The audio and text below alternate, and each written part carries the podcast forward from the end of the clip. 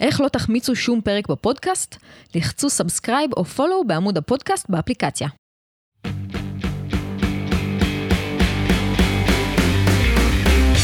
ברוכים הבאים להשקפת עולם, הפודקאסט שבו אתם פוגשים את כתבי שקוף ושומעים את כל הסיפורים הכי חמים מאחורי הקלעים. תודה למי שמאזין בפודקאסט, אתם מוזמנים לעשות מנוי, אנחנו בכל האפליקציות, חפשו שקוף. שלום למאיה קרול, כתבת ה follow-up ויוקר המחיה של שקוף. אהלן אסף נתיב, מנהל הקהילה. אהלן. עידן בנימין, הכתב לתיקון הכנסת. אהלן, ואנחנו גם עם איתמר בז מהעין השביעית, אתה special guest star שלנו. היי. מה שלומך? מצוין. מעולה. אז לכל אחד מכם נחזור בקרוב, אני רוצה להתחיל עם עידן בנימין, כתב לתיקון הכנסת. אז אנחנו, עידן, אני ואתה נדבר על מה קורה בכנסת בימים אלו, בזמן שה, שה, שהתקשורת בעיקר עסוקה במסכי עשן של קואליציה, בחירות, עוברים חוקים מאוד חשובים, אה, מה קורה בוועדות שהתחילו סוף סוף לעבוד, ולפני הכל, אתה חשפת השבוע שעדיין אין יועץ משפטי קבוע לכנסת. מי שכולנו הכרנו בתור אייל ינון, הרי מזמן עזב, אבל עדיין אין יועץ קבוע.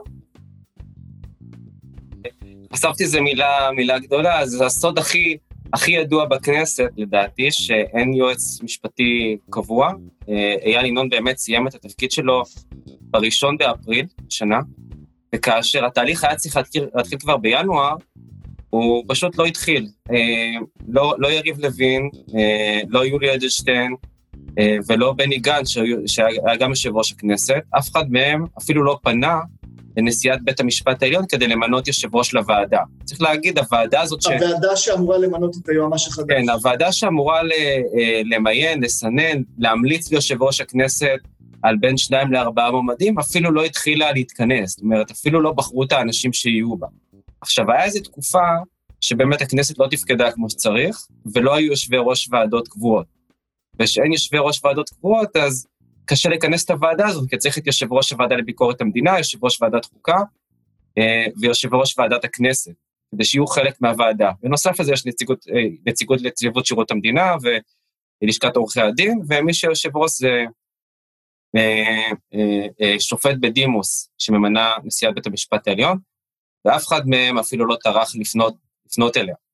מה זה אומר שאין יועץ משפטי קבוע לכנסת? עכשיו. זה אומר שעכשיו יש ממלאת מקום, מוכשרת ככל שתהיה, אה, קוראים לה שגית אפית. היא הייתה אה, בוועדת הכספים. כן, היא הייתה יועצת משפטית בוועדת הכספים.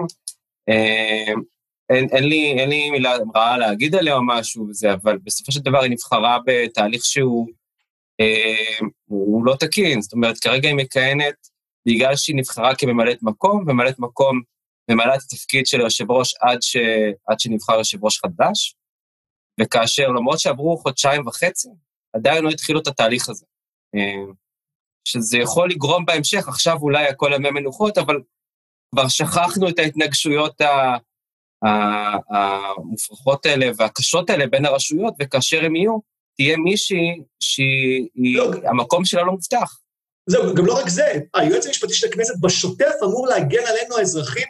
אתה יודע, אם לח"כים יש ספק לגבי האם חוק מסוים הוא הגיוני להעביר אותו, האם הוא מתלגש עם חוקים קודמים, האם יש להם ניגודי עניינים, הם אמורים לבוא ליועמ"ש, שהוא אמור להיות בטוח בתפקיד שלו, שלא יעיפו אותו ולהגיד להם את האמת.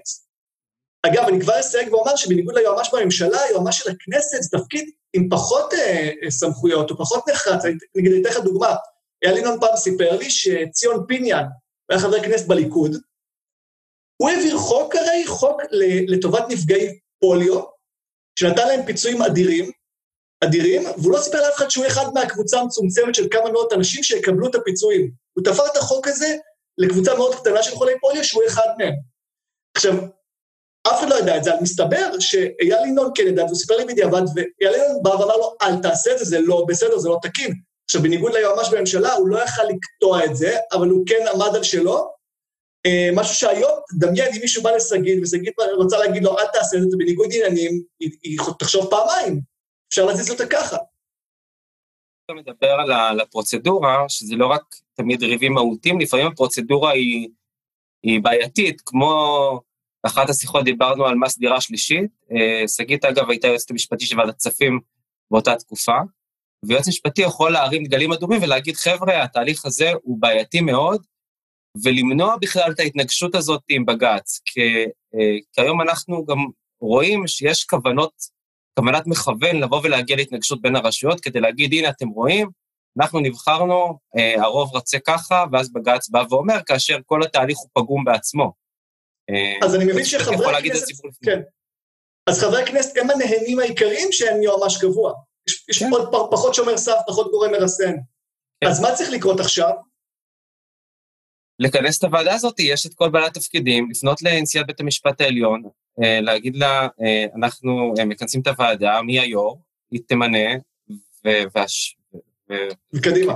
אז אתה כבר פנית, ראיתי ליו"רים, נכון? ליו"ר ועדת כן, הכנסת? כן, פניתי ליו"רים, וזה נראה שזה לא הזיז להם כל כך, אני חייב לציין. אני לא יודע למה, זה נראה כל כך... כאילו, אמרנו למה, זה, זה, לא, זה לא דחוף להם לשים עוד מישהו שיעסוק אותם. כנראה לא בול, וזה יהיה דחוף להם כאשר תהיה כבר את ההתנגשות, ואנחנו כבר נהיה בתוך הבלגן, ואז פתאום יתחילו הלעומתיות, במקום לקבוע סטנדרטים ולקבע את זה לפני. חבל.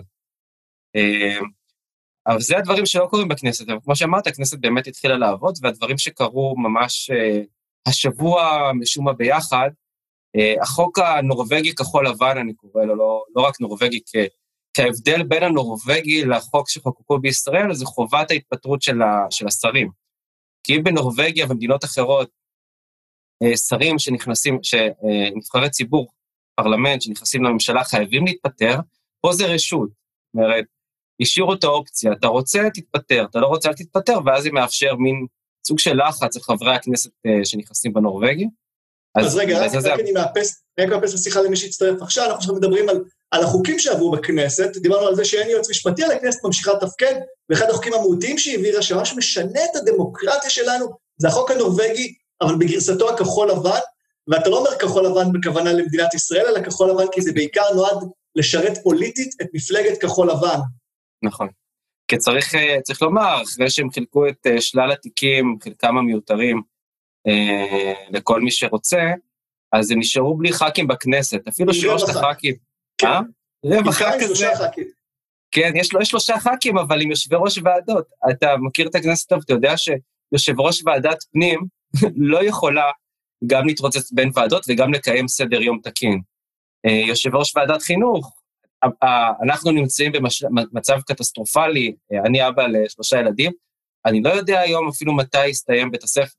כאילו, אה, המצב נמצא באמת במצב מאוד אה, רגיש, ואין, ואין, ואין אפילו ח"כים שיכולים לטפל בזה.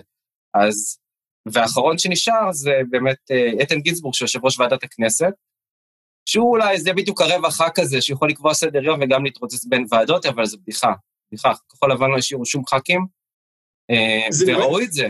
כן, זה באמת מטורף, המפלגה, המפלגה שרצה עם הדגל של שלטון החוק, היא בסוף מחלישה את הכנסת בצורה חסרת תקדים.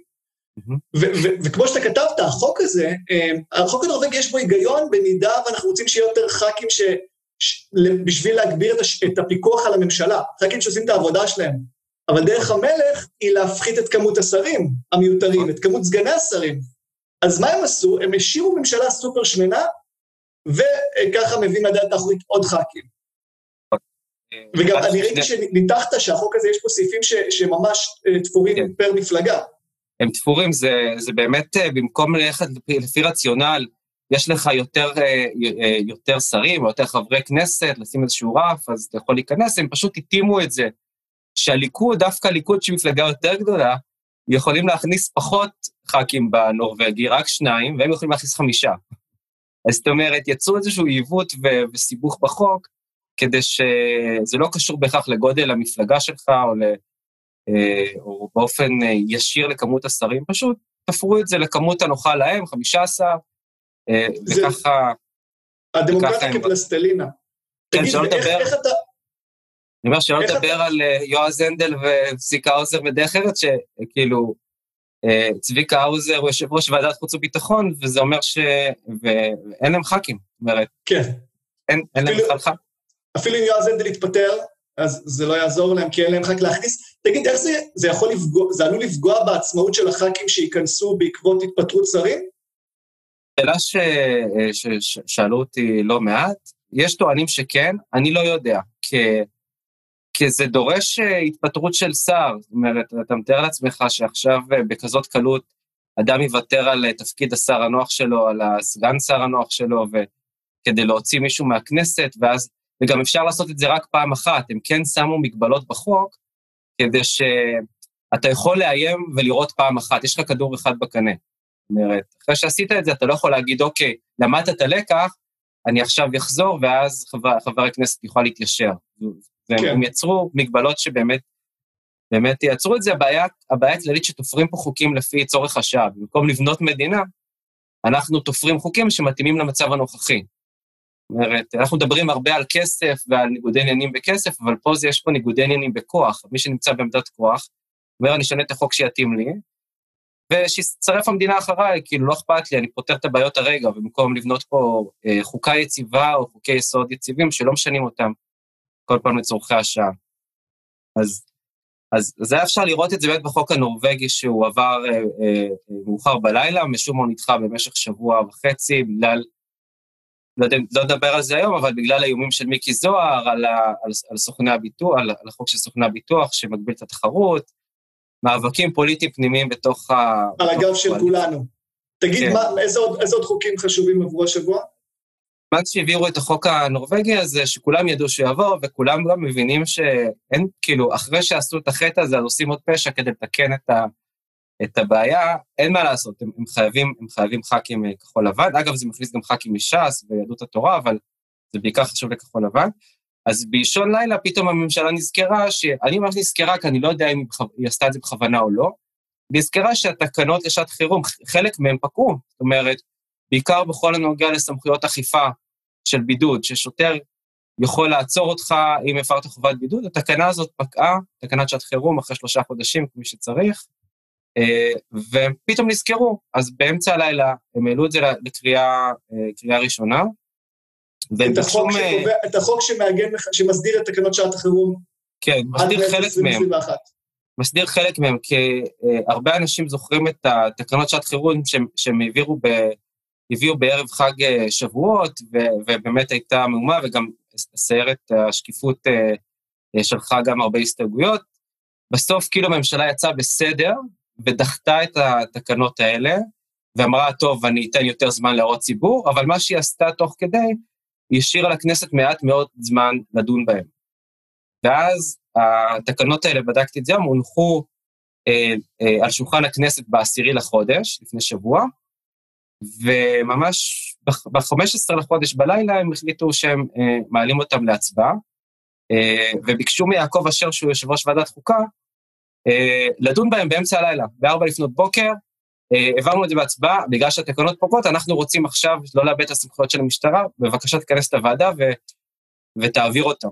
אה, וצריך לציין אה, לשבח אותו שהוא סירב, הוא אמר, לא עושים דברים כאלה באמצע הלילה, כמו גנבים, והוא דחה את זה ל-11 וחצי, זה השאיר פחות זמן לחברי הוועדה לדון בזה, אבל תוך כדי, אגב, ושם אפשר לראות את החולשה של הכנסת, לא היה שם חוץ מיעקב אשר שהוא יושב ראש הוועדה ואין לו ברירה. לא היה קואליציה.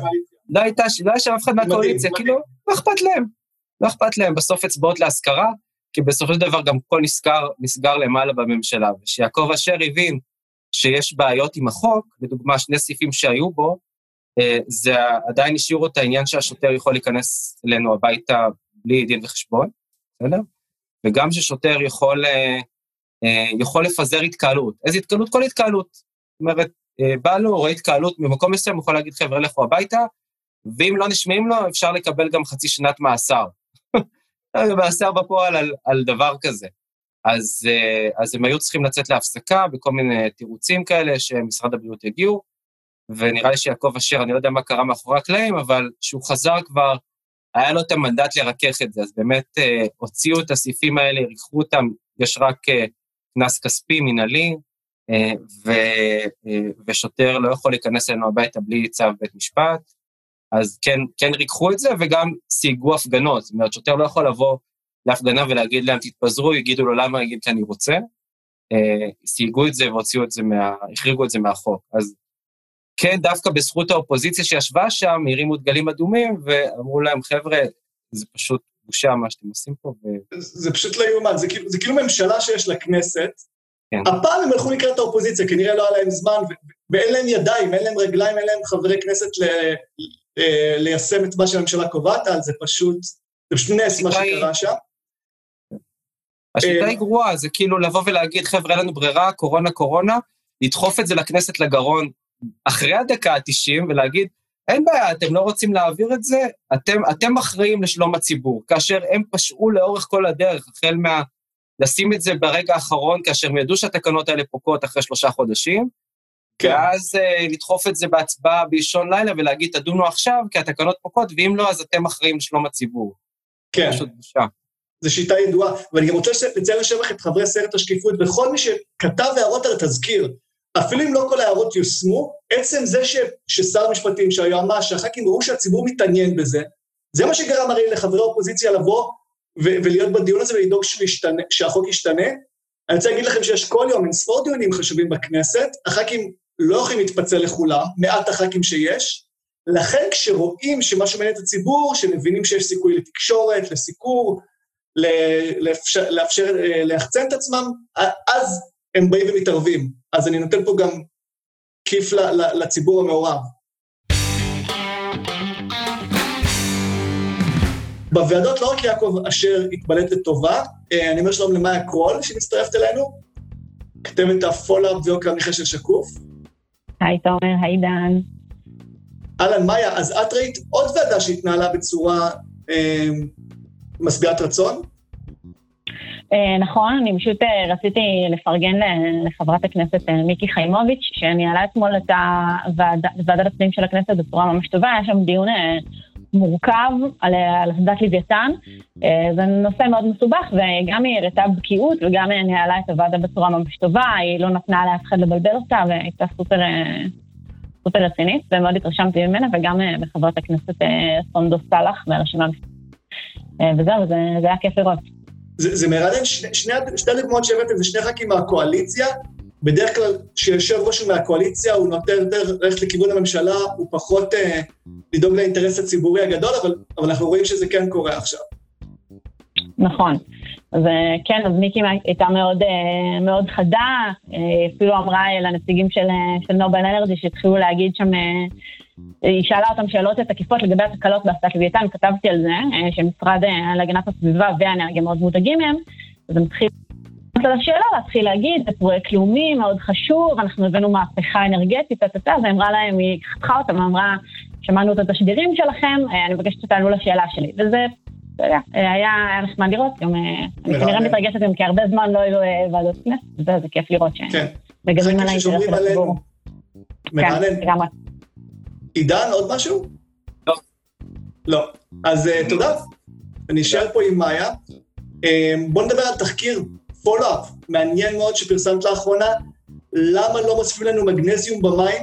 למרות שהוחלט על כך כבר לפני שבע שנים, את הרי חוזרת לחשיפות עבר, חלק מהתפקיד שלך בודקת האם, האם הדברים נפתרו, האם הם עדיין תקועים, והפעם התעסקת עם המים שכולנו שותים. מה קורה שם, מאיה? נכון, אז אני בעצם עשיתי פולו-אפ לתחקיר של אה, עדי דוברת מזריץ מדה מרקר, אה, שהיא כתבה ב-2017, שבעצם החלטה מ-2013 לעשות פיילוט של שילוב מגנזיום במים אה, לא, לא, לא התקיימה, פשוט לא התקיימה עד 2017, חזרתי לבדוק מה קורה עם זה. אז רק אני אתן רקע, מגנזיום זה, מינר, זה מינרל שיש במים, אבל בגלל שבישראל יש הרבה מים מותפלים, אנחנו לא מקבלים אותו בברז שלנו. אמ, וככל שיהיו יותר מים מותפלים בישראל, ככה יהיה פחות מגנזיום במים, וזה מוביל לכל מיני אה, מחלות, זה מקושר למחלות לב, וגם פורסמה חוות דעת של אה, משרד הבריאות על זה ב-2012, שזה מוביל ליותר תמותה אה, של מחלות לב בכל שנה. ולכן הוחלט לעשות פיילוט של שילוב המגנזיום בתוך מתקני ההתפלה. ב-2013, אה, בתקנות בריאות העם, הוחלט שיהיה פיילוט שיתחיל מ-2013 ויסתיים ב-2015, ואז החליטו אה, מה הדרך הנכונה לשלב את המגנזיום במים המותפלים. אה, הפיילוט פשוט לא, לא קרה, לא התקדם בכלל, לא, לא. לא נתנו תקציב. פשוט סחבת, מין שכחו מזה עוד, עוד, עוד החלטה שהתקבלה ואף אחד לא יישם אותה. אחרי שפקעו תוקפן של של, של תקנות בריאות העם, אז ביקשו הארכה והאריכו את, את הפיילוט עד 2018. זאת אומרת שיהיה אפשר להקים אותו עד 2018, אבל גם זה לא קרה, הפיילוט עדיין לא התקדם, גם ב-2018. גם מבקר המדינה כתב על זה ונזף ברשויות שאחראיות על הדבר הזה. זה לא התקדם עד היום, וזה פשוט חבל לראות שהחלטות שנוגעות לבריאות של כולנו פשוט לא מיושמות, לא מצליחים, לא מצליחים לקדם אותן בכנסת. גם שבע שנים, איך, איך הם מסבירים את זה? זה באמת רק גרירת רגליים, או שאת חושבת שיש פה משהו יותר גדול? זה נראה שזה פשוט סחבת, זה יוביל לאיזשהו עיקור בעלות המים. ונראה שאף צד לא רוצה לקחת על הדבר הזה אחריות. הצדדים שמעורבים שם זה, זה רשות המים ומשרד הבריאות. ומעניין עכשיו, דרך אגב, עם החילופים של המשרדים, תחת מי הדבר הזה בדיוק יישב. וזהו, בינתיים הדבר הזה לא התקדם. אז זהו, אז עכשיו אולי את אומרת, כל אחד בורח מאחריות. יש עכשיו שר שאם יש לו איזושהי אחריות, זה המים שלנו, אם אני לא טועה, זאב אלקין. נכון. קודם כל, יש לי עוד שאלה על אלקין, אבל קודם כל, האם את חושבת שהאם הוא, הוא, הוא יהיה הכתובת? יש, יש לו פה סיכוי הרי לעזור, סוף סוף לעשות משהו משמעותי מהתפקיד המיותר שלו. זהו, נכון, יהיה לו אולי סיכוי להראות שיש דווקא צורך במשרד המים, או שהוא באמת יצליח לקדם את הדבר הזה. אה, אנחנו נפנה לאלקין ואנחנו אה, נבדוק את זה, אבל יש ועדה שמרכזת את הדבר הזה, זאת אומרת, ועדה של רשות המים, משרד להגנת הסביבה ומשרד הבריאות, שיושבת ומתכללת את העניין הזה, זה, זה יושב שם כרגע. כרגע, דרך אגב, אין תאריך לכינוס נוסף של הוועדה הזאת בגלל הקורונה. כמובן, תירוץ ממש טוב. זהו, אז כרגע זה תקוע, ופשוט מבאס לגלות שהדברים לא משתנים ולא מתקדמים. כן, אבל אני, לי יש תקווה שעצם זה שאת שואלת את השאלות, ומעכשיו שזה נושא של אחרי, תמשיכי אה, לרדוף אחר האחראים, זה כבר, אני בטוח, משמן קצת את הגלגלים ויגרום לדברים לזוז. אז תודה שאת, נכון, תודה שאת על זה. אה, ואני אציין עוד דבר, שהחברות שהציעו את עצמן, כן היה איזושהי בדיקה עם חברות שיש להן טכנולוגיות לשילוב של מגנזיום במים, יש לנו טכנולוגיה מהטכניון שהיא חדשה ו, ויכולה להועיל בדבר הזה, אז uh, החברה שיש לה את הטכנולוגיה הזאת פשוט החליטה לעשות בינתיים פיילוט עצמאי, שהולך, כבר מתחיל להיות מוקם, הוא נמצא במעגן מיכאל, קיבוץ מעגן מיכאל יש להם מתקן התפלה משלהם. אז הולכים לעשות שם את הפיילוט, ויחיאל מנוחין, המנכ"ל של החברה, שראיינתי אותו גם בכתבה, הוא אומר שהוא מקווה שאולי זה בעצם גם ישמש איזשהו אה, זרז, אה, ויגרום לממשלה אה, לראות ש, שאפשר לעשות את זה ושזה יכול להתקדם, וגם ייתן אינדיקציה לכמה הדבר הזה עולה, ואולי יגרום לפיילוט להתקדם. מצוין, מצוין. התחקיר המלא באתר, והזכרנו כן. את זה ולקין, בוא נסיים עם בשורות טובות, אז כבר הצגת נכון. לו, אבל לא על הנושא הזה, על משהו אחר. Uh, נכון, אז uh, אפשר להגיד שאני מסתכלת על ולקין כבר הרבה מאוד זמן, בערך קצת, פחות מחצי שנה, בנושא הגשת הצהרת ההון שלו. ולאחרונה, אנחנו דיברנו על זה גם בפודקאסט, באחד הפודקאסטים האחרונים, אנחנו הפעלנו את הפטיש חמש הקילו שלנו ושלחנו את כל חברי סיירת השקיפות, לשלוח הודעות גם לו וגם לדובר שלו ולדרוש ממנו להגיש את הצהרת ההון שלו למבקר המדינה, שהוא לא הגיש אותה במשך שלוש שנים, הוא השר היחיד שלא עשה את זה במשך תקופה כל כך ארוכה. אה, וסוף סוף אלקין הגיש את הצהרת ההון שלו שבוע שעבר. אה, אנחנו לוקחים קרדיט, אה, וזה, וזה כיף לראות שלחץ ציבורי עובד, כי אני אגיד שמבקר המדינה תזכר את אלקין חמש פעמים, וזה לא גרם לו להגיש את הצהרת ההון שלו.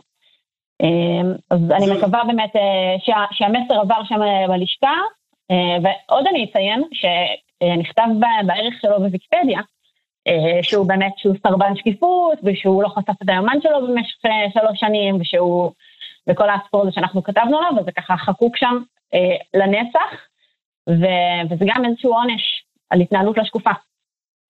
נהדר, נהדר, והצהרת הון הזאת, אני אוסיף, היא, היא, היא חשובה מאוד, כי אז אפשר לפקח על האינטרסים שלו, אפילו אם היא לא שקופה עדיין, חוק שאנחנו רוצים עוד לשנות. אני חושב שאיזשהו גורם, אצל איזשהו גורם יש שם את ההצהרה לשלב, לשלב שאם אם יהיה שלב שבו יתעוררו שאלות. אלקין בכלל, אם קצת תקראו עליו אצלנו, אה, תראו שהוא באמת, אה, יש לו אינטרסים כלכליים, הוא קיבל פעם הלוואה גדולה מאיזה אוליגרך, הדברים האלה צריכים להיות שקופים נבחרי הציבור, יש להם את הסמכות, גם לשר המים, במיוחד לשרים, סמכות לקבוע דברים שנוגעים לכולנו, כדאי מאוד שהם ידעו שאם הם עוזרים לעצמם ולא לציבור, זה ייחשף. והצהרת הון זה, זה הכלי הזה. אז נכון. תודה על זה. אגב, אה, הזכרת לי מקודם ש, שיש עוד שר שלא הגיש, אמנם לא כזאת כמות זמן, אבל, אבל אמיר אוחנה, אם אני לא טועה? נכון. אז uh, אני אגיד שבלשכה של אמיר אוחנה לא עונים לנו uh, כבר הרבה זמן. Uh, גם אחרי אמיר אוחנה, כשגיליתי שהוא לא הגיש את הצהרת ההון שלו, uh, ביחד עם, uh, עם השר אלקין, uh, רדפתי אחר ושאלתי כמה פעמים את הלשכה, מה קורה עם זה, מה קורה עם זה, לא השיבו uh, אפילו uh, פעם אחת. Uh, וגם עכשיו אני מחכה לתשובה ממשרד מבקר המדינה, לראות uh, האם, הוא, האם הוא גם הגיש את הצהרת ההון שלו, וכמובן שנעדכן, ואם הוא לא הגיש אותה עדיין, אז אנחנו נדאג שהוא יעשה את זה. מצוין, הוא עובר לחוק בעצם. אה, נכון, נכון, הוא חייב להגיש את הצהרת ההון שלו למבקר המדינה, ואנחנו לא ניתן לזה לעבור בשקט. יופי, תודה רבה מאיה, תודה שאת לא מרפה. תודה תומר. ואני אגיד שלום לאורח החיצוני המיוחד שלנו היום, איתמר בז מהעין השביעית. שלום לכולם, מעניינים. מה נשמע? טוב. יופי, אם אתה יכול להרים את הקול או להתקרב למיקרופון זה יהיה אדיר. איתמר, אתם אה, עוסקים בעיקר בביקורת תקשורת. אה, מה נכתב פה, למה זה נכתב? סליחה? נכתב בסיקור התקשורת. סיקור התקשורת. אתם מסתכלים את התקשורת פחות או יותר כמו שאנחנו מסתכלים את הכנסת, ואתם חשפתם לאחרונה משהו ש, שכל, לדעתי, כל אזרח בישראל צריך לדעת על זיקה בין הטייקון הכי גדול בישראל, יצחק תשובה, למו"ל נוני מוזס, המו"ל של ידיעות אחרונות, אחד מכלי התקשורת הכי חזקים בישראל, מסתבר ששניהם ניהלו חשבון השקעות משותף בסודיות. כן. Uh, אתה יודע, הדבר הזה הוא מסוג הדברים שגורמים לך לקרוא מחדש את העיתון. כשאתה מדפדף בידיעות אחרונות, אתה, אם אתה עושה את זה מספיק זמן, אתה מתחיל לשים לב uh, לרשימות השחורות והלבנות המפורסמות, את מי מחבקים ומקדמים, את מי מתעלמים, או אולי uh, מותחים עליו ביקורת שנראית uh, לא תמיד עניינית, ולפעמים אתה גם יכול להבין מה, מה בדיוק גרם להם להתנהל ככה, החל מאיך שהם מסקרים, או הרבה פעמים לא מסקרים, את העניינים של נוני מוזס, המוציא לאור והעורך האחראי שלהם עדיין, ועד כל מיני דמויות כמו נגיד יאיר לפיד, שאתה יודע טוב, יאיר לפיד היה כותב הרבה שנים בעיתון, הוא מקורב למוזס, היו להם גם כל מיני עניינים אחרים, אתה יכול להניח שהדבר הזה, נגיד, שהוא נמצא על פני השטח. לעומת זאת, יש כל מיני דיירים של הרשימה הלבנה המיוחסת, שאתה אף פעם לא מצליח לגמרי להבין למה בדיוק דווקא ידיעות אחרונות נותן להם כזה יחס אה, מיוחד וחיובי ומגונן. ויצחק תשובה במשך הרבה מאוד אה, שנים היה אחת הדמויות האלה. עכשיו, מה שקרה זה שלפני כמה ימים אה, פרסמנו אנחנו ופרסמו סיפור דומה בעיתונים הכלכליים, זה מרקר וכלכליסט, על הקש... שלראשונה חשף קשרים כלכליים מובהקים בין נוני מוזס ליצחק תשובה. מה שאתה אמרת, אמ, זה מה שאנחנו חשפנו, זה שבעצם לפני בערך 13 שנים, בערש אה, לידתו של העיתון הכלכלי כלכליסט של מוזס, אה, לנוני מוזס באופן אישי היה חשבון השקעות משותף עם אה, יצחק תשובה, טייקון הגז והנדל"ן, וזה היה באופן מאוד מוזר, נמצא באיזשהו הר של מסמכים שאנחנו עברנו עליהם במסגרת תחקיר אה, מקיף, שבכלל לא, לא היה קשור אה, באופן נקודתי לתשובה.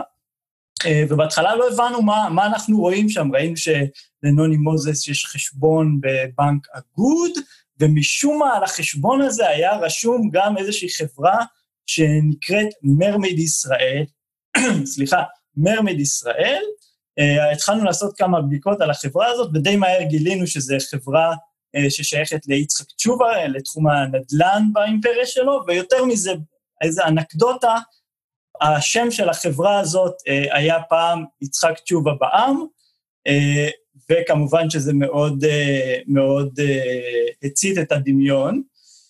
אחר כך פנינו גם לתשובה, גם לנוני מוזס, הם כמובן לא רצו להגיב, הם לא רצו להגיד מה בדיוק עשו באמצעות החשבון הזה, במה השקיעו, האם החשבון הזה צבר חובות, האם לעסקים המשותפים ביניהם היה איזשהו קשר להקמה של כלכליסט בדיוק באותם שנים, אה, והם כאמור לא רצו אה, לענות, אה, ובאופן מאוד מעניין, התפרסמו ממש באותו יום שאנחנו פרסמנו את הדברים האלה, הטענות בשוק ההון על זה שיצחק תשובה היה אחד מכמה טייקונים שעזרו לנוני מוזס להחזיר חובות של משהו כמו 200 מיליון שקל שהוא צבר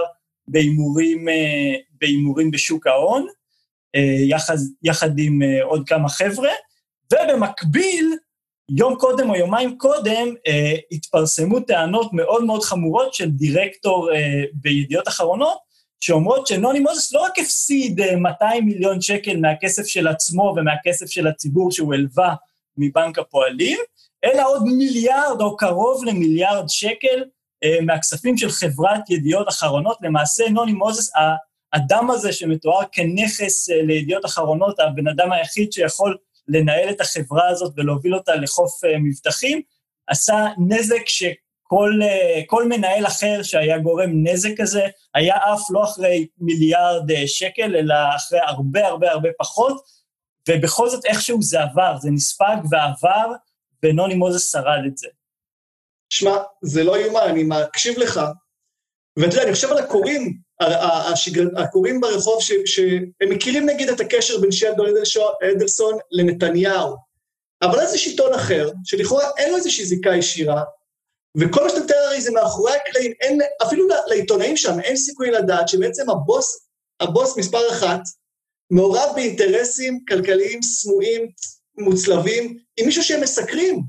ואנחנו, כמו שאתה אומר, עד שדברים האלה נחשפו, אנחנו כצרכני קצה, עוברים על העיתון, וכל הזמן אנחנו מקבלים חדשות שאנחנו רוצים לקוות שהן החדשות אה, הכי חשובות, מעניינות, אה, מה, מה, מהימנות, ובעצם יש פה אינטרסים סמויים שקובעים מה אנחנו קוראים. ומי יודע עוד מה מסתתר ככה בתקשורת המסחרית. כן, תראה, טייקונים ובכלל אנשי עסקים וחברות, הם אוהבים הרבה מאוד אה, ליחצן את עצמם מתי שהם אה, מוכרים משהו או קונים משהו, או עושים איזשהו אה, מבצע חדש, אבל צריך להבין שרוב הפעילות, גם הלגיטימית, של הגופים האלה, היא נמצאת תמיד מתחת לפני המים, זה רק קצה הקרחון, ואנחנו העיתונאים צריכים לשלוח את הצוללות שלנו למטה, מתחת למים האפלים, ולמצוא את הדברים האלה ש, שהם לא רוצים שנגלה, שהם אפילו לא רוצים, אחרי שגילינו אותם, הם לא רוצים אפילו להסביר לנו מה זה, ולהציק להם, ולמצוא את הדברים ולהפיץ אותם, ואחרי שאנחנו מפרסמים אותם, יש גם יותר סיכוי שזה יתחבר עכשיו אולי לאיזה עיתונאי אחר שעושה תחקיר על תשובה, והוא פתאום מבין מה זה הדבר הזה שקרה ב-2007, ב-2008, אחר כך עם החובות של מוזס. אה, זה ממש כמו אה, איזושהי עבודת תצרף ש, שאנשים אה, בונים אותה בלי, בלי תיאום בין עצמם נכון, נכון. במערכות שונות. אנחנו פרסמנו לפני כמה שנים אצלכם את, ה, את כל החברות הסודיות של נוני מוזס. אתה זוכר שאז באתי לך והראית לי מה זה, יש חברה ש... אחת מהן זה החברה ש, שאיתה נוני מוזס היה בעסקים עם תשובה. זהו, אז אני אז עשיתי תחקיר על החברות של נוני מוזס מחזיק, ונבלמתי בכל מיני, במסמכים הבסיסיים של שמות, ראשי מוזרים, לא היה לנו מושג מה זה, לא יכלנו לעשות את התחקיר מעבר לזה, רק פרסמנו את זה, לקח הרבה זמן, אבל הנה סוף סוף אנחנו מבינים שהתסריט הכי אפל מתגשם שהמון בקשר עם טייקון. ועוד נקודה חשובה, לתשובה אולי זה נראה, מה אתה נכנס לאותה מיטה עם איש עסקים כושל כמו לוני מוזס? אבל כמו שאתה מתאר, זה בעצם, הוא מקבל דיבידנדים אחרים. למשל, אה, הסיקור של המחאה, הסיקור של, ה, הסיקור של, אה, של מתווה הגז, היה לטובתו סך הכל, אתם בדקתם את זה. כן, זה בעצם היה מה שנמצא על פני השטח. במשך אה, שנים, אחת התופעות הייתה שראינו אה, באמצעות, אה, בסקירות שלנו, בכתבות שאת רובם עשה הקולגה שלי אורן פרסיקו, שידיעות אחרונות תמיד נבדל מכלי תקשורת אחרים בזה שהוא או שהוא מצניע את המחאה, או שהוא לא מסקר אותה, או שהוא מסקר אותה בזווית ביקורתית. אגב, זה בסדר להיות ביקורתי כלפי מחאה, אבל כשעיתון אה, עושה את זה בצורה מסוימת והוא שונה מכל השאר, אתה צריך לשאול את עצמך מדוע. ואם העיתון הזה אין לו איזו אג'נדה מוצהרת שהוא, אה, לא יודע מה, קפיטליסטי במיוחד, או בעד אה, ליצור יותר מקומות עבודה לעובדי אה, מגזר האנרגיה, אז אתה צריך להתחיל לחפש את התשובות אה, בתחומים אחרים. והרבה פעמים הדבר הזה נשאר ממש אה, על פני השטח, ו... ועכשיו אנחנו מבינים, אנחנו מבינים שהיה שם הרבה יותר ממה, ש, ממה שהם היו מוכנים להודות באותה תקופה. נגיד, לפני אחד ה... קרה דבר מאוד מוזר לפני אחד הרגעים הקריטיים של אישור מתווה הגז. מתווה שהכניס ליצחק תשובה סכומי עתק, מתווה שזכה לנו ביקורת, כן. אנרג'י ובחברות הנוספות ששותפות איתם, אה, פתאום אה, קיבלנו איזשהו אה, מידע על זה שיצחק תשובה ביקר במערכת ידיעות אחרונות. כן, אוקיי, מותר לאנשי עסקים לבקר במערכות של, של עיתונים, גם לפוליטיקאים, זה קורה, לפעמים באים לעשות שיחות, שיחות רקע, שיחות היכרות, זה דבר שהוא נורמלי, אבל מה שמוזר, למשל במקרה הזה של יצחק תשובה בידיעות אחרונות, רגע לפני אישור המתווה, היה שאף אחד לא היה מוכן להגיד מה בדיוק הוא עשה, עם מי הוא נפגש, למה הוא נפגש, למה דווקא אז, האם זה בכלל קשור לפולמוס הגז, אולי הוא סתם שכח את המפתחות על השולחן של נוני, מי יודע. מטורף. אה, אגב, אם אתם רוצים לשמוע על עוד זיקות אפלות או מסתורות של ידיעות אחרונות, עשינו איזה תחקיר גדול אה, באתר שקוף, תכתבו בגוגל זיקות הון שלטון עיתון, אני די בטוח שזו התוצאה הראשונה. איתמר, יש גם חדשות מעודדות מתחום התקשורת. אה, שרון שפורר זכתה עכשיו לסוג של פיצויים אחרי, אחרי אה, מסע של תביעות השתקה נגדה. כן, אחרי אחת מתביעות ההשתקה שהגישה נגדה, נגדה חברת נדל"ן בשם אה, אורבן, שהוקמה על ידי דודו דיגמי, זה אדם שהיה פעם סוחר נשים, זה לא השם שלו עכשיו, הוא החליף אותו ואסור לנו להגיד מה השם האמיתי שלו בגלל שהוא נעשה לא זוכר אם המונח הוא עד מדינה, או נתן איזה עדות באיזושהי פרשה, בכל מקרה אסור להגיד מה השם האמיתי שלו, ומתוך המסתרים, אה, החברה הזאת שהוא הקים, בחוצפה פסיכופתית, העיזה לתבוע את אה, שרון שפורר על זה שהיא כתבה בפייסבוק שלה שמדובר אה, בחברה מפוקפקת, וכדאי לא לעשות איתה עסקים. נגיד, אם אתה, תומר, שוקל לרכוש בית חדש, אז קודם כל תתחדש, אבל יכול להיות שאתה לא רוצה להיכנס אה, עכשיו למיטה עם איזה חברת נדל"ן, שהאנש... שהממלא תפקידים בה, הם קשורים איכשהו לבן אדם הזה שהיה סוחר נשים, אחרי הכל, לא מדובר פה באיזה בן אדם שעשה עבירה פעוטה, לך תדע מה הקשרים האחרים של החברה הזאת. הגיוני שאתה תרצה לדעת שהחברה הזאת אה, היא לא חברה שאתה רוצה להיכנס איתה למיטה, גם אם הדירה שהם רוצים למכור לך היא אחלה, בסבבה ובמחיר מצוין. אז אחרי, אה, באמת, אני לא יודע כמה שנים אה, שהתנהל המשפט הזה, שרון שפורר אה, ניצחה, אבל מה זה ניצחה?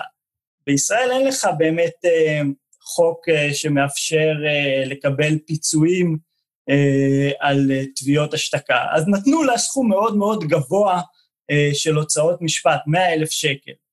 אבל היא אומרת שזה מכסה כלום מהשנים לא שהשקיעה בזה. או לא, זה לא משנה, זה לא סכום שמרתיע כן. חברה, חברה גדולה שמגלגלת אה, הרבה מאוד אה, כסף, ובכל מקרה צריך להיות אה, בחוק הישראלי גם איזושהי אפשרות למקרים המסוימים שבהם יוכח במובהק שתבעו עיתונאי או פעיל או סתם אדם אה, מהשורה אה, על התבטאות ותבעו אותו שלא בצדק, רק בשביל להשתיק אותו ולמנוע דיון ציבורי, צריך להיות חוק שמאפשר אה, לפצות את הבן אדם הזה, לא רק להחזיר לו את, ה, את הכסף על הייצוג המשפטי ועל הזמן שהוא בזבז, אלא גם לתת לו פיצויים ש, שגם יכאיבו למי שמגיש... בדיוק. אה, ש... חוק, החוק הזה ידאג שהאנשים הרעים יירתעו במקום העיתונאים מלעשות את העבודה שלהם. החוק הזה קיים בחלק מהמדינות בארצות הברית, ומה שקראתי זה, זה עושה פליי באותן מדינות, באמת הטייקונים חוששים להגיש תביעות השתקה. אגב, העניין הוא לא רק, העניין הוא לא רק אה, לתת פיצויים למי שהוכח שהוגש נגדו, שהוגשה נגדו תביעה לא מוצדקת, אלא גם האפשרות uh, uh, להקל על סילוק על הסף של, של תביעות כאלה, ובכלל לא להיכנס להליך המשפטי הארוך, שהרבה פעמים הוא עצמו העונש נכון. לחוסכים. ואנשים הרבה פעמים נרתעים מעצם ההליך ומגיעים לכל מיני אה, הסכמים אה, מביכים ובעייתיים, רק בשביל לא לנהל הליך משפטי ארוך, שלך תדע איך תצא ממנו עם מערכת המשפט הישראלית המהוללת. מעולה. אז אפשר, אפשר לקרוא על זה יותר לעומק אצלכם, ואצל שרון שפורר, תעקבו אחריה בפייסבוק או בטוויטר, יש לה חשבונות מרתקים, ועל תשובה ומוזס, תחקירים מופיעים עכשיו בראשיות שלך, איתמר, בעין שביעית, כנסו לאתר, תעשו מנוי גם לניוזלטר שלכם, אני מת עליו. אה, תודה רבה. לא דבר. נתראה בקרוב. ואני אקפוץ לאורח האחרון שלנו, מנהל הקהילה אסף נתיב. מה נשמע, אסף? אה, בסדר גמור. אה, אם דיברנו כבר על תביעות השתקה, אז אה, בואו נזכיר את קרן ברק, חברת הכנסת קרן ברק, שאיימה להגיש נגדך תביעה השבוע. כן, כן, קרן ברק, אז, אז אני, יש לי מזל בינתיים שאנשים בעיקר מאיימים עליי ולא מממשים את זה, אבל קרן ברק הצטרפה לגלריה מכובדת של ח"כים שטוענים ששיקרתי או עיוותתי מידע ורוצים לגרור אותנו לבית המשפט. ההתכתבות המלאה איתה, העליתי אותה בפייסבוק, פשוט ציינתי עובדות, ציינתי שברק השתתפה בדיון בכנסת ודיברה נגד רפורמה שתפתח את ענף הביטוח לתחרות, רפורמה שתוזיל לכולנו את החיים, את הביטוחים לכל הפחות. אמ, ציינתי גם את העובדה שהיא הייתה עד לא מזמן קרן ברק לוביסטית, בין השאר שלה, בתחום הזה של הביטוח. אמ, ברק מיהרה לכתוב לי שיש עתירה בדרך, עתירה, אגב, עתירה זה, זה, זה מילה שבויה, היא התכוונה לכך שהיא הולכת לתבוע אותי דיבה. אמרתי לה, על מה? אני, אני אשמח לתקן, הרי אני, אני בחיים לא רוצה, אה, אני לעולם לא רוצה להטעות את העוקבים שלנו, והיא סירבה להגיד לי במה טעיתי. עשתה איתי סוג של פורפלי, אתה, אתה, אני לא אומר לך בדיוק במה, אבל טעית, בסוף שאתה, בסוף אה, כשהתעקשתי, אמרה, כל, כל מה שכתבת זה שקר, כמעט כל מה שכתבת, אה, לא הסכימה לפרט מה, ואמרה בגדול שהיא פשוט תתבע אותי, אותנו. טוב, אז האמת, אתה יודע מה, הסיפור הזה החזיר אותי לפני שנתיים ומשהו, ממש בהתחלה של שקוף, אם אתה זוכר את הקמפיין הראשון, אה, התייעצנו, אז דיברנו גם בינינו וגם עם אנשים אחרים לגבי גיוס ואיפה כדאי ללכת. קיבלנו החלטה שאנחנו ממשיכים ללכת למכינות אה, ולגופים, אה, ולגופים שונים שיש שם חבר'ה צעירים, כי חשוב לנו שיהיו מודעים ושיהיו איתנו, אפילו בשקל אחד, אפילו שזו אוכלוסיות שאנחנו יודעים שיהיה להם יותר קשה להצטרף בסכומים משמעותיים, אבל רצינו שהם יצטרפו אפילו בשקל, העיקר שיהיו חלק, וזה בדיוק למקרים כאלה, מקרים כאלה שאני חשוב לי שכל אחד ואחת מהציבור הישראלי ידע איך חברי הכנסת מתנהגים, אם הם פתוחים לביקורת, אם הם מוכנים להשתפר, אם הם מוכנים להתייחס בצורה עניינית לתקשורת אה, באופן כללי, ו- וזה בדיוק הסיבה שחשוב לנו שיהיה לנו אלפי מו"לים, לא משנה כל אחד ואחת באיזה סכום, לפי יכולתם, אה, כל אחד מה שהוא יכול, אבל הגב הציבורי הזה מאוד מאוד חשוב לנו, אה, גם כלפי הח"כים וגם כלפי, כלפי עצמנו. אז זה באמת, אה, מבחינתי זה נקודות שמתחברות, גם אם יש פער של שנתיים ומשהו בינינו. תודה, תודה על הפרסומת, לעצמנו, הפרסומת היחידה שאנחנו מאפשרים. אנחנו גם, אני אציין, אנחנו, השאיפה שלנו להיות כלי תקשורת לא רק עצמאי, אלא גם אקטיביסטי. כמו ששמעתם את מאיה, אנחנו פועלים לתקן את מה שאנחנו רואים.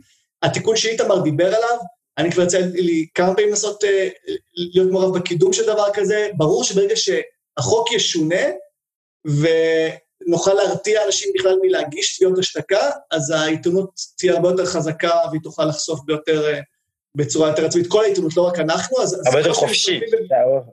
עיתונות חופשית. ככל שאתם מצטרפים ומחזקים אותנו, זה אומר שאתם גם מכפילים את הכוח של העקרונות שאנחנו מבוססים עליהם, עקרונות שאני מאמין שרוב הציבור שותף להם.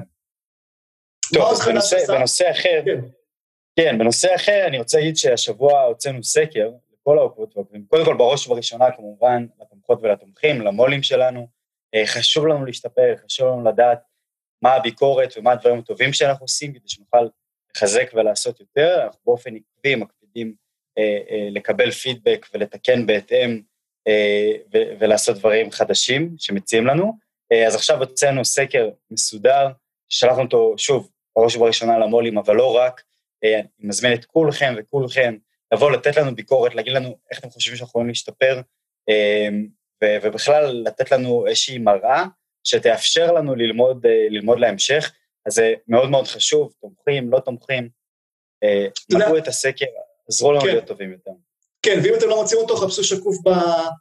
במייל שלכם, גם בספאם, ואם עדיין אתם לא מוצאים אותו, תירשמו לניוזלטר הלא חופר השבועי שלנו, ואגב, הזכרתי עוד משהו שאני רוצה לציין. אתמול ישבתי עם נעמי נידם, העורכת היחסית חדשה שלנו בשקוף, וחשבנו איך אנחנו, אנחנו מאוד אוהבים ביקורת, כמו שאתה אומר, גם אנחנו כ- כעובדים במערכת וגם אנחנו כעיתונאים, וניסינו לפרמט מדדים שאני והיא נוכל לדבר עליהם כל כמה חודשים, לראות איך אנחנו מתקדמים.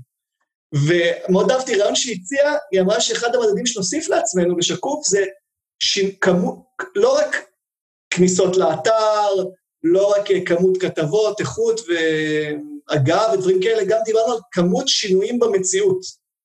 אנחנו נכניס בקרוב, אנחנו נעבוד על זה עד שזה יהיה מסודר, שנוכל להראות לכם, לעוקבים שלנו כל חודש או כל רבעון, מה היעד שלנו לשינויים, שינויים תכלסים בשקיפות, במנגנון, בכנסת, וכמה מהם אשכרה קרו. אנחנו רוצים לא רק אה, לראות אה, באוויר, אלא גם לפגוע. נכון. אגב, יש את, אה, את הכתבה שאני חושב שאתה הכנת, לגבי היעדים לממשלה החדשה, ממשלה 35, שיש שם המון המון צעדים קונקרטיים שאפשר לעשות ממש בקבלת החלטות מהיום לעכשיו, שאנחנו מקדמים את כולם. אגב, שבוע שעבר, במקרה, שנינו פנינו במקביל לשר המשפטים בנוגע לפרסום התקנות, וגם הבוט החדש של שקוף. בוט. הבוט, סליחה, אני תמיד אומר בוט, אין לי מושג. או, אולי אני אגיד עליו כמה מילים? כן, בבקשה. אז, אז, אז מי שלא מכיר, יצרנו בוט בעזרתו של מתכנת שנקרא רון אשרוב, מתכנת תותח. הוא בנה לנו בוט, אבל בניגוד לבוטים שאתם שכולנו שונאים ברשת, זה בוט שקוף, או בוט של שקוף, הוא נקרא זיכרון של פיל, הוא בינתיים קיים רק בטוויטר, ובעצם אנחנו מגדירים לו למי להגיב מנבחרי הציבור ומה, ונתנו לו כבר שתי משימות. אחת, כל פעם ששר המשפטים מצייץ משהו, אבי ניסנקורן, הוא מגיב לו, לא משנה מה אבי צייץ, הוא מגיב לו, אבל מה קורה עם, עם השקיפות באגודות העות'מאניות, כמו ההסתדרות, ולינק למי שרוצה להרחיב, ככה בעצם הנושא הזה כל הזמן נשאר באוויר, אפילו אם שר המשפטים לא קורא את התגובות, העוקבים שלו כן, יש, וגם עוד עוד משימה שנתנו לו זה להגיב ליועז הנדל וצביקה האוזר, לא משנה מה הם מצייצים, זה מזכיר שהם העבירו חוק שערורייתי שסידר למפלגה שלהם מיליוני שקלים בצורה מעוותת. יש לבוט הזה כבר יותר מ-500 עוקבים, ואני, אגב, כל רעיון שיש לכם, אה, מאזינים, צופים יקרים, אה, למשימות לבוט הזה, הוא בוט חרוץ, בלתי נלאה ושקוף. כן. אמ, אז תעדכנו אותם, סליחה, לא סיימתי את המשפט, לא סגרתי את המעגל, תעדכנו אותם, יש לכם רעיונות לעוד משימות לבוט, הוא באמת אה, חרוץ. כן. אז באמת לקראת הסוף, אני אגיד שמעבר שאני אזכיר שוב את הסקר שחשוב לי שכל מי שיכול ויכולה ימלאו אותו כדי לאפשר לנו להשתפר וללמוד. אמ, אז אני רוצה להגיד שאנחנו עדיין, לא כל המשרדים החדשים קמו, אנחנו עוד שמענו עליהם כבר ואנחנו יודעים שהם הולכים לקום, אבל רוב המשרדים החדשים עדיין לא קיימים. אה, הוצאנו, אנחנו נוציא בקרוב, סליחה, הוצאנו בשבוע שעבר אה, למו"לים ולמו"ליות שהחליטו אחרי איזה משרד קטן נעקוב כדי לראות מה בעצם קורה שם. אה, אבל חשוב לנו לגדול כדי שנוכל לסקר עוד ועוד משרדים, כמובן פעילות בכנסת שצפויה להיות מאוד מאוד ענפה, גם עכשיו עתיד לעבור תקציב, אחרי שהרבה זמן לא עבר חוק, חוק תקציב וחוק הסדרים. חשוב לנו להגביר את הנוכחות שלנו, ולכן אנחנו צריכים תמיכה של כמה שיותר אנשים, כל אחד ואחת בסכום של... איך רינו צרור תמיד אומר לי, הנקודה מובנת, אפילו שזה הפנדיום שלנו, נראה לי פרסמנו מספיק. תודה לך, תודה ענקית אסף. חבר'ה, מי שעדיין פה באזור, עוד דבר אחד. לחשוף את המצלמה שוב, כי יש יום הולדת לכתב לתיקון הכנסת שלנו, עידן בנימין, בואו נרים אליו איזה כוסית מים, היי מאיה, עידן. אני ארים כוסית קפה. עידן? אני גם... אני לא רואים אותה. בן כמה אתה, עידן? בן 38, אבל מרגיש כמו 83. לא, לא רק לך אתה מרגיש בן 83, גם לנו אתה מרגיש בן 83. נכון. לחיים, אה, עידן. חיים. שקוף לא היה שקוף בלעדיך. חיים, מזל טוב. נכון. אה, דבר אחרון, אה, תומר יעלה בפינה החדשה שלו יחד עם אורלי בר-לב הערב, ממליץ לכולם לצפות בשידור ה live וביקורת חדשות משותפת, מרתק. כן, אנחנו מנסים לעשות צפייה ביקורתית בחדשות, כל פעם אני אביא אורח אחר, הבאתי כבר את ברק כהן, היום אני אצפה בהם עם אורלי בר-לב, בהמשך זה יהיה עם שמחה רוטמן כבר אה, ביקשתי אה, ממנו והוא הסכים, גם פניתי לרולניק ולעוד כמה אנשים מעניינים מדן בארץ. אה, אם אתם מפספסים את זה, אז, אז אתם יכולים תמיד גם להקשיב לזה בפודקאסט של שקוף, או לחפש את זה ביוטיוב שלנו. אז אה, תודה לכולם. תודה. תודה. ביי ביי. נשתמע. להתראות. איך לא תחמיצו שום פרק בפודקאסט? לחצו subscribe או follow בעמוד הפודקאסט באפליקציה.